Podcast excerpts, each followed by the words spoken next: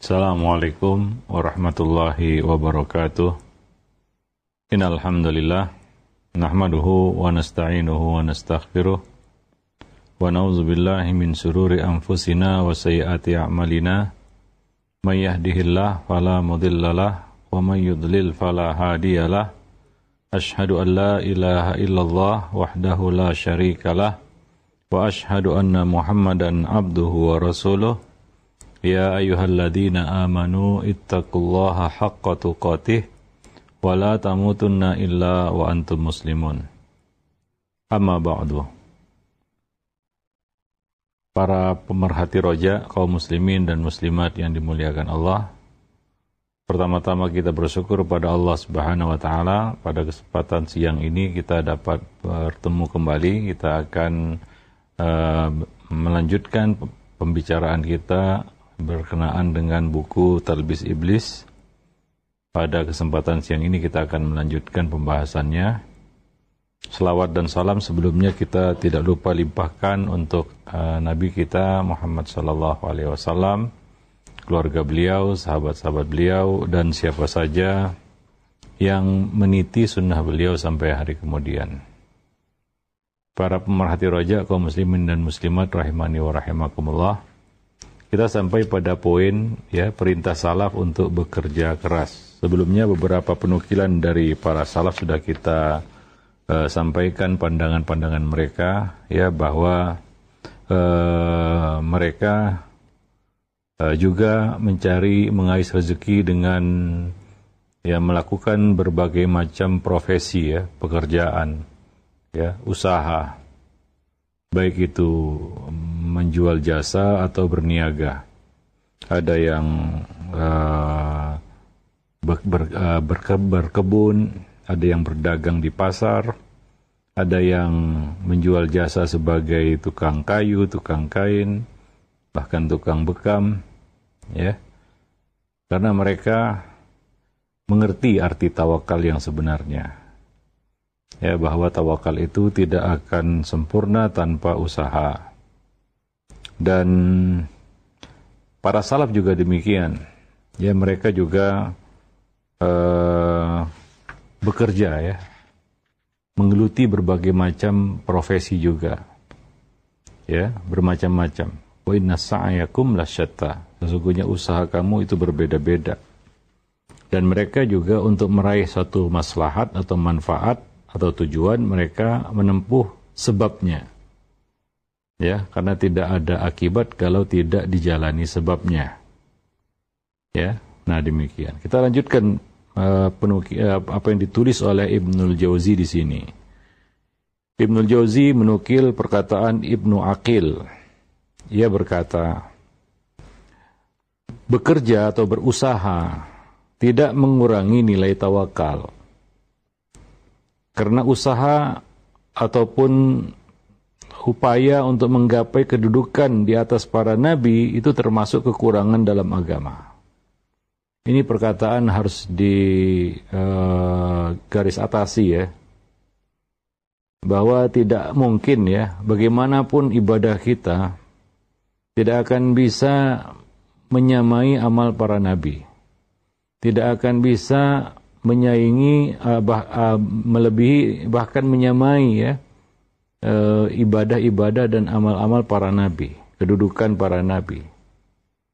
Karena Allah Subhanahu wa taala telah istimewa, istimewakan mereka. Mereka adalah hamba yang maksum. Mereka diberi ilmu. Mereka diberi keistiqomahan.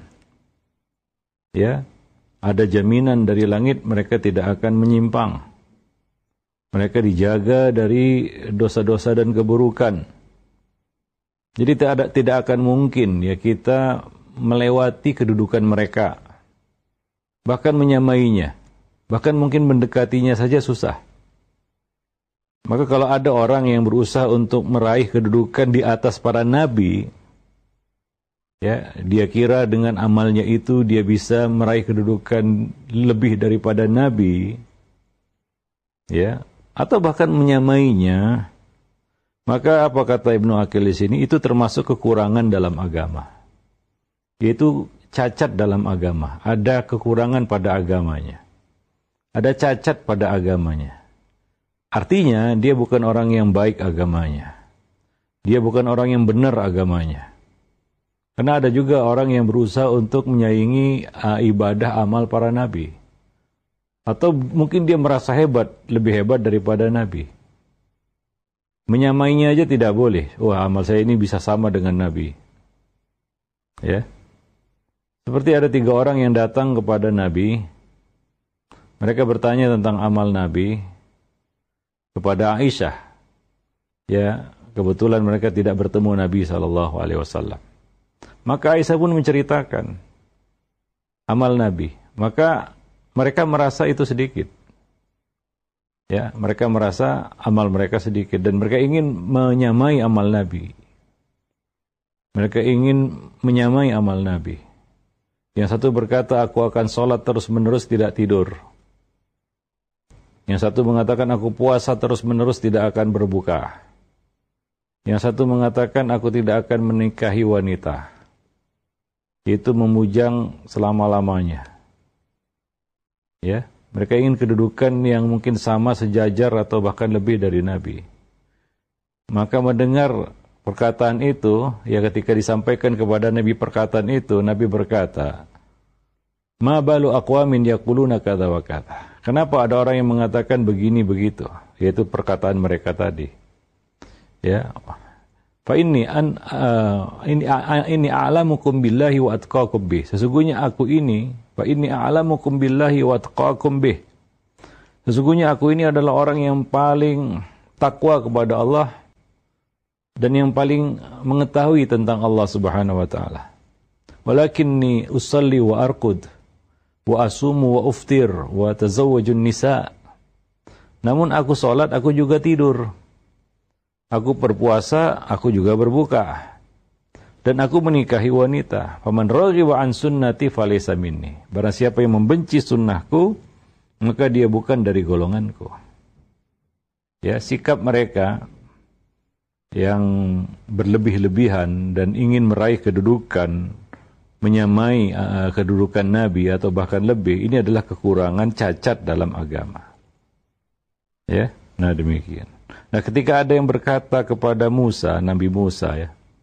Ini para nabi ya, apalagi nabi kita Muhammad sallallahu alaihi wasallam. Ya. Nabi-nabi yang lainnya juga tidak boleh seorang itu merasa dia lebih daripada uh, kita katakan seorang nabi, ya. Nah, di sini beliau membawakan beberapa uh, keterangan ya dari Al-Qur'an. Ketika ada yang berkata kepada Musa, Innal mala'a ya'tamiruna bika liyaqtuluk. Sesungguhnya para pembesar negeri sedang berunding tentang engkau untuk membunuhmu. Itu mereka akan merencanakan ya pembunuhan terhadap Nabi Musa. Sampai berita itu kepada Nabi Musa. Ya. Nah, surah Al-Qasas ayat 20 itu. Maka apa yang dilakukan oleh Nabi Musa, apakah tetap di situ bertawakal, tawakal saja? Ya, kalau sudah ajalnya ya ajal, kalau tidak, kalau belum ajalnya ya nggak akan nggak akan ke mana. Artinya ya nggak akan ada yang bisa mencelakai, gitu ya. Nggak ada yang bisa membunuh, ya. Nah, eh, Nabi Musa tidak mengambil prinsip seperti itu. Ya, walaupun ada alasan kuat bagi beliau untuk berpendirian seperti itu. Ya, ya sudah tetap di situ saja di Mesir saja walaupun ada orang yang merencanakan pembunuhan atas beliau tawakal Allah ya bertawakal kepada Allah kalau Allah berkehendak mati ya mati kalau tidak ya tidak gitu. Ya, ada alasan kuat eh, bagi Nabi Musa untuk mengambil pendirian seperti itu. Tapi itu tidak dilakukan ya, tidak dilakukan oleh Nabi Musa. Nabi Musa ketika mendengar berita itu apa yang ia lakukan? Beliau pergi meninggalkan Mesir. Ya, beliau pergi meninggalkan negeri Mesir. Ya karena beliau tidak aman di situ. Beliau melakukan ikhtiar sebab supaya selamat. Ya bukan mengandalkan iman, kemudian tawakal. Ya, kemudian terjadi nanti apa yang tidak diinginkan. Kadang-kadang sebagian orang yang meninggalkan sebab dan merasa tawakal, ketika terjadi sesuatu yang tidak diinginkannya, dia tidak bisa terima juga. Ya, dia tawakal kepada Allah. Ya, kalau uh, celaka ya celaka gitu ya. Kalau tidak ya tidak. Ya, misalnya dia uh, melanggar aturan jalan raya, jalan tol misalnya, Ya, kemudian dia berkata, ya kalau celaka ya celaka, kalau tidak ya tidak. Tawakal kepada Allah. Ya tentunya ini tidak bisa dibenarkan ya. Karena kita harus mengambil sebab. Seperti di sini ya. Ya ada alasan kuat tadi. Nabi Musa untuk ber, uh, mengambil sikap, ya tetap aja di Mesir, tidak usah pergi ke mana-mana. Ya, karena beliau adalah seorang nabi, pasti dapat pertolongan dari Allah Subhanahu wa taala. Untuk apa takut? Ya. Nah, mati kan di tangan Allah. Tapi Nabi Musa tidak mengambil pendirian seperti itu. Ya. Bukan karena takut.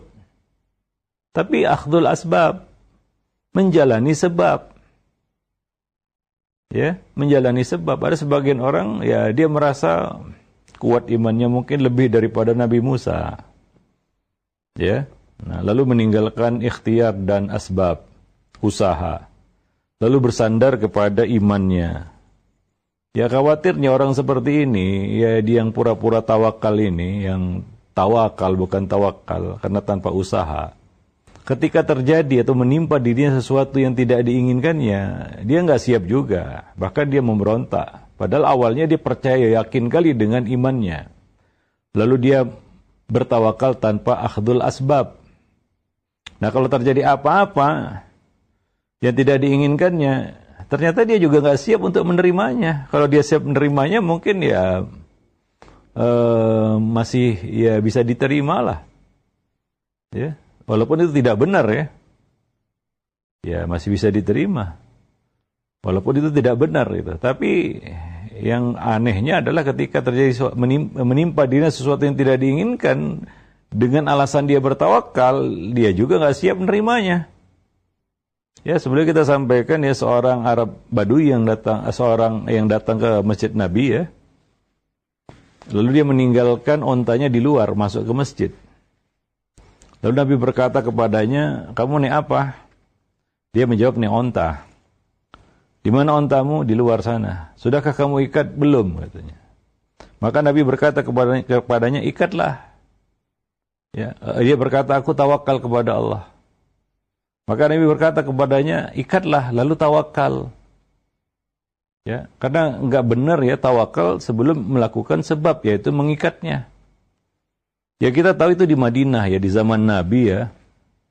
Ya mungkin berat ke kemungkinan ya aman kan di Masjid Nabawi di zaman Nabi. Masa hilang onta di situ? Ya, nggak mungkin hilang mungkin dia ber, ber apa ya kita katakan e, ber, berpendapat seperti itu mana mungkin hilang ini kota nabi masjid nabi di zaman nabi juga ya penghuni Madinah itu adalah para sahabat muhajirin dan ansor ya nah demikian kalaupun ada waktu itu orang-orang Yahudi itu segelintir mayoritasnya ya kaum muslimin. Lalu untuk apa takut meninggalkan onta di luar tanpa diikat? Mungkin dia punya pandangan seperti itu. Tapi tidak. Nabi memandangnya itu salah. Ya Nabi berkata kepadanya, ikat ontamu baru tawakal. Ikat dulu ontamu baru tawakal. Ya nah demikian. Taib.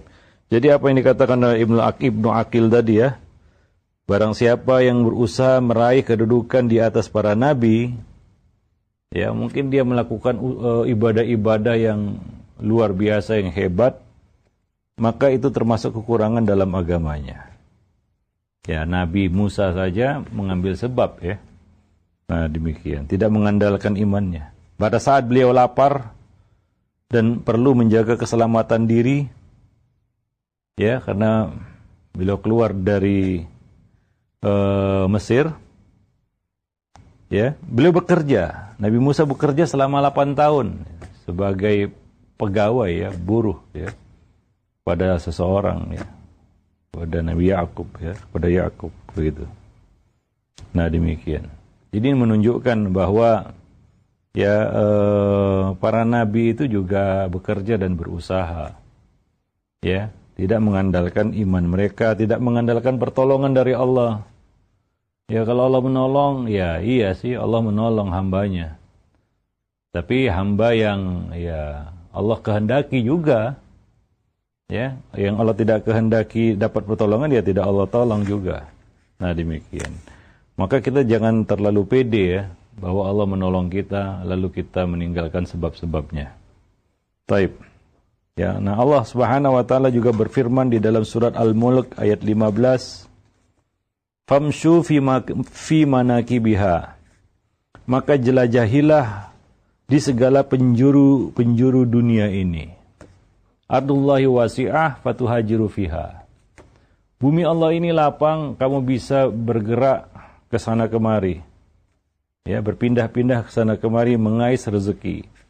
Mencari rezeki Allah Subhanahu wa taala. Ya.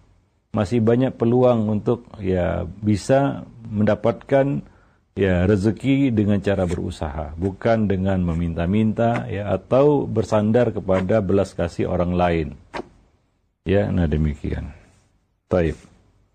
Nah, eh, Allah mengatakan itu dalam surat Al-Mulk ayat 15. Ya, nah eh, maka dari itu ya Allah Subhanahu wa taala ya memudahkan ya bagi manusia untuk ya mengais ya rezeki di muka bumi Allah ini. Allah buka pintu-pintu rezeki, jalan-jalan rezeki. Dimudahkan untuk manusia. Ya, dimudahkan untuk manusia. Ya, maka hukum asalnya kan ibahah. Kecuali yang dilarang Allah Subhanahu wa taala itu hukum asal, hukum dasar muamalah. Hukum asalnya adalah mubah boleh silakan ya ya wabdagu min fadlillah ya carilah dari karunia Allah Subhanahu wa taala ya bergeraklah kamu di muka bumi ya uh, untuk mengais rezeki karena menjelajah ya bergerak ya ke sana kemari untuk meraih ridho Allah atau rezeki Allah Subhanahu wa taala karunia Allah itu adalah bentuk menggunakan nikmat Allah ya Salah satu nikmat Allah itu kan Allah kasih kekuatan kita, kekuatan fisik, kehendak, akal, pikiran, ya. Maka tidak ada yang menghalangi rezeki itu sampai kepada seorang hamba melainkan kemalasannya. Ya satu itu. Yang kedua karena kesalahpahamannya tentang ya terutama tentang tawakal.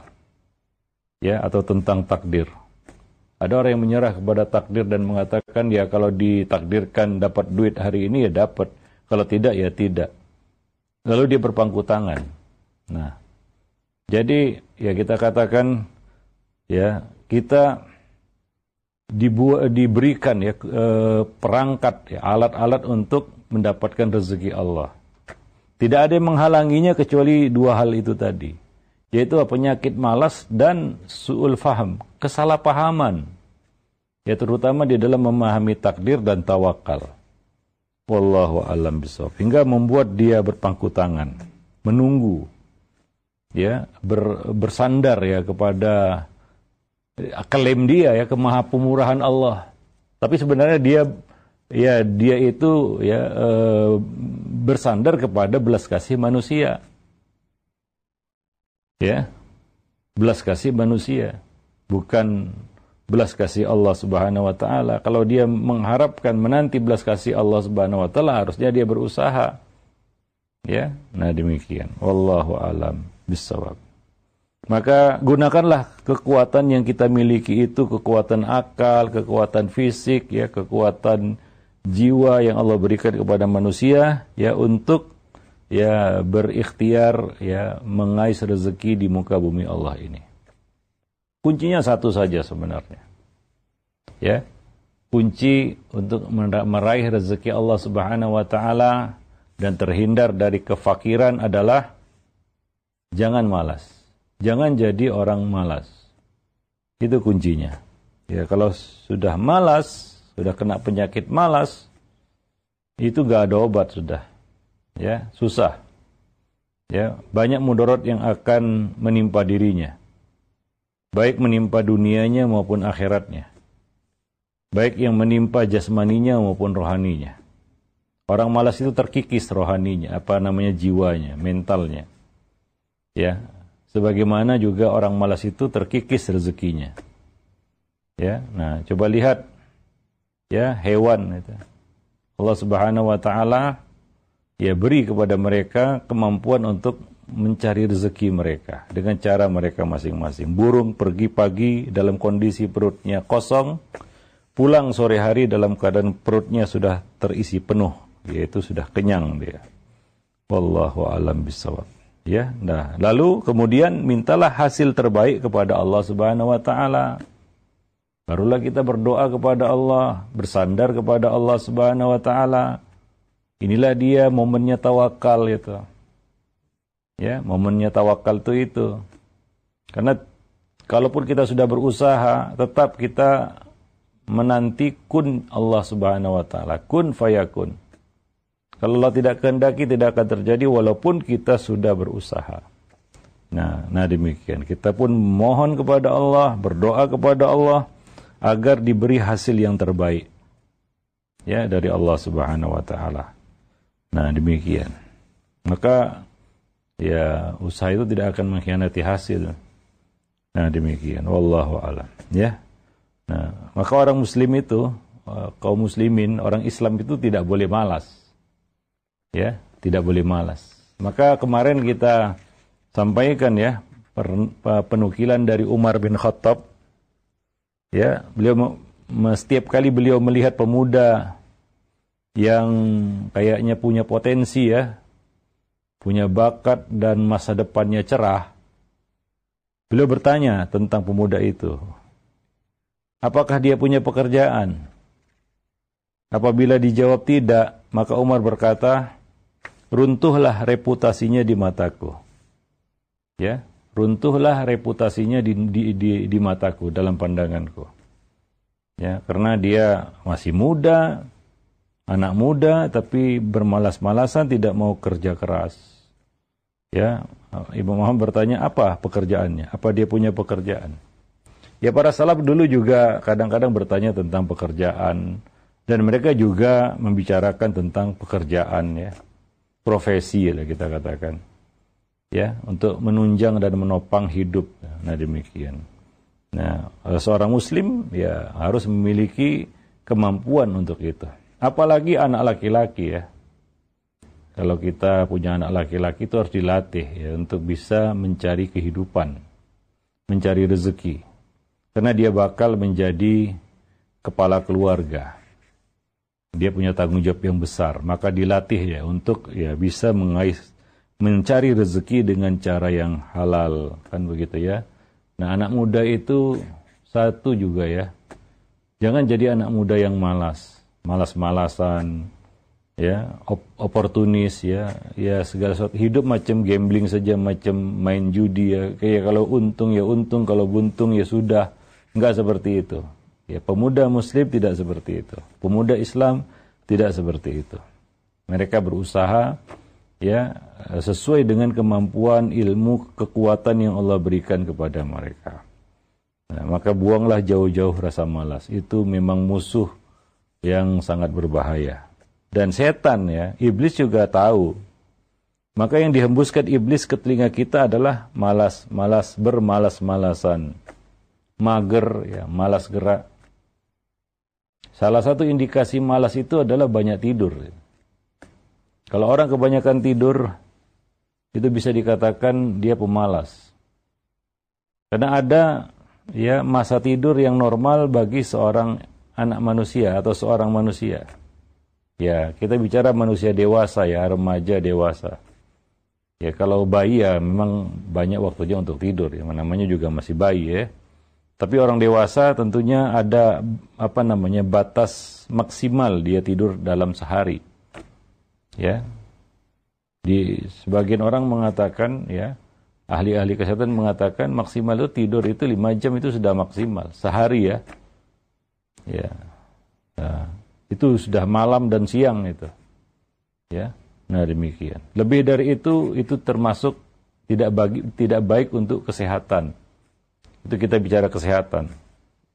Kesehatan jasmani, kesehatan rohani, penyakit malas seperti ini akan menumbuhkan ya benih-benih penyakit mm, apa namanya? penyakit e, malas tadi. Ya, dan penyakit malas ini akan menggerogoti mentalnya sehingga dia menjadi orang yang lemah, ajas. Orang yang lemah. Ya, orang yang lemah, tidak punya kekuatan.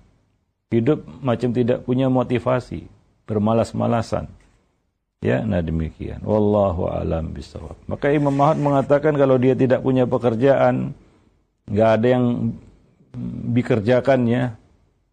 Ya, ada anak muda sekarang ini kerjanya nongkrong-nongkrong, ya main handphone, ya seharian kadang-kadang, ya nggak gerak dari tempatnya dalam waktu yang lama. Nah, itu juga tidak baik sebenarnya. Ya nah ini uh, kita katakan perkara yang akan membawa keburukan ya. Ya bisa jadi kemar kemelaratan dan yang lain sebagainya. Wallahu alam bisawab nah seorang kadang meminta sesuatu kepada Allah namun melupakan potensi-potensi pribadi yang terpendam.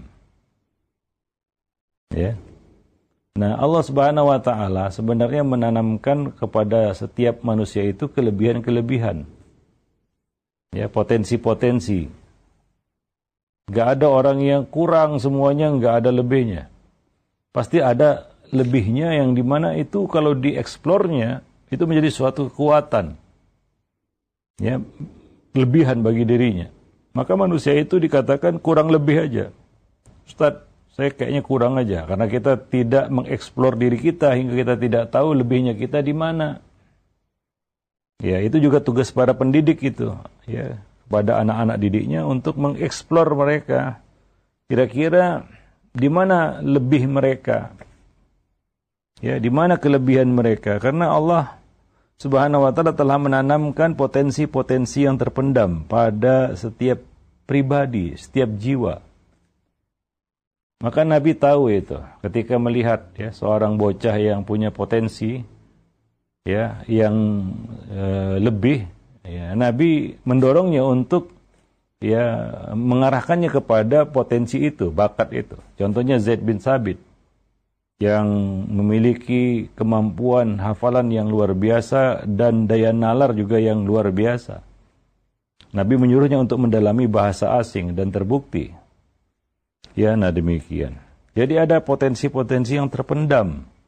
Nah, orang itu yang harus mengenali dirinya. Ya. Nah, kalau eh, ya, kita katakan uh, anak remaja atau kanak-kanak itu perlu dibimbing atau dibantu oleh ya orang tuanya dan guru-gurunya di, di kita katakan disupport ya. Nah, demikian. Taib. Nah, saat permintaannya tidak kunjung terwujud, dia malah marah. Ada yang punya rumah serta berbagai perabotan. Kemudian kesulitan rezeki datang dan hutang makin menumpuk. Lalu seorang menyarankan, jual saja rumahmu. Namun dia menyahut, bagaimana mungkin aku menjual rumah dan menjatuhkan martabatku di mata orang.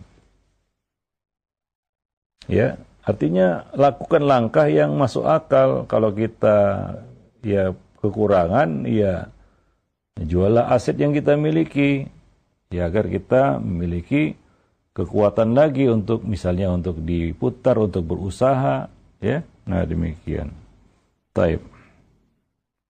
Nah, hanya orang-orang bodoh ya bila mengatakan di sini membiasakan amalan yang tidak produktif.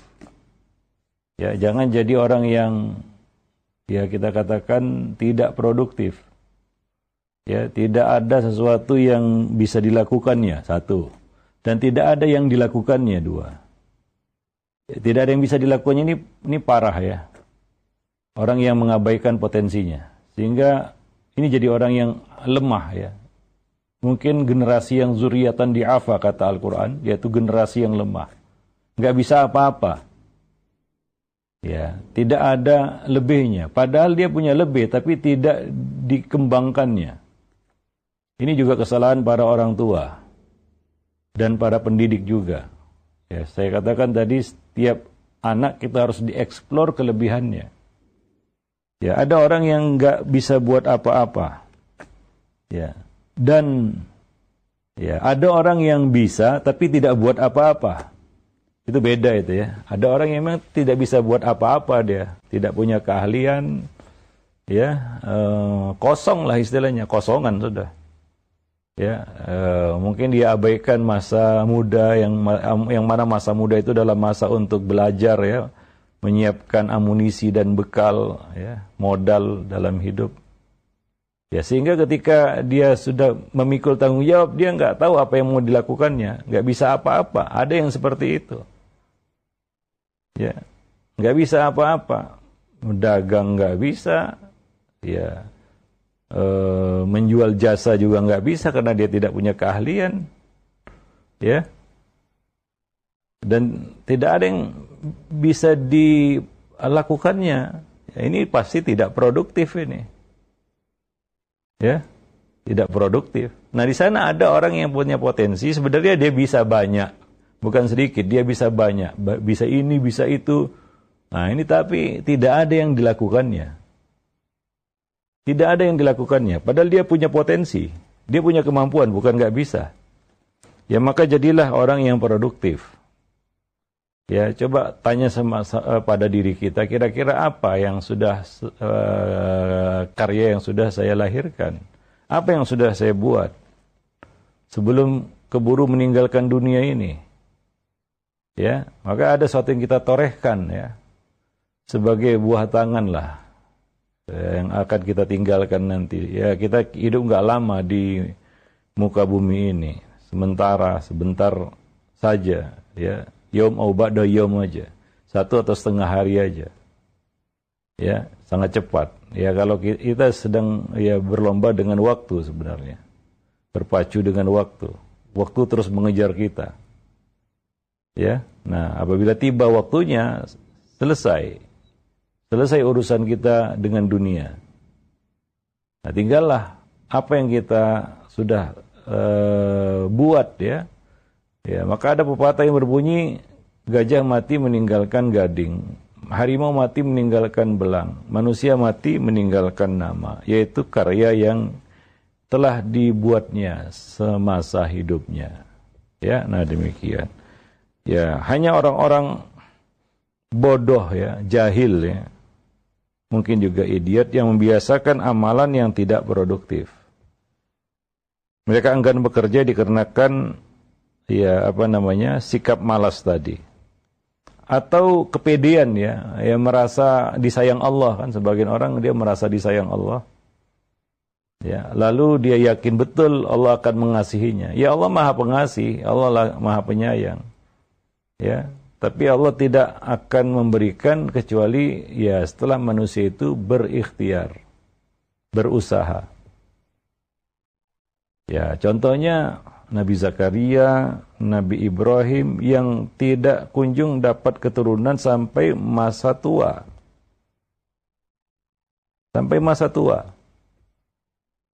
Ya, tapi mereka tidak pernah putus asa untuk berusaha salah satu ikhtiar yang mereka lakukan, usai mereka berdoa.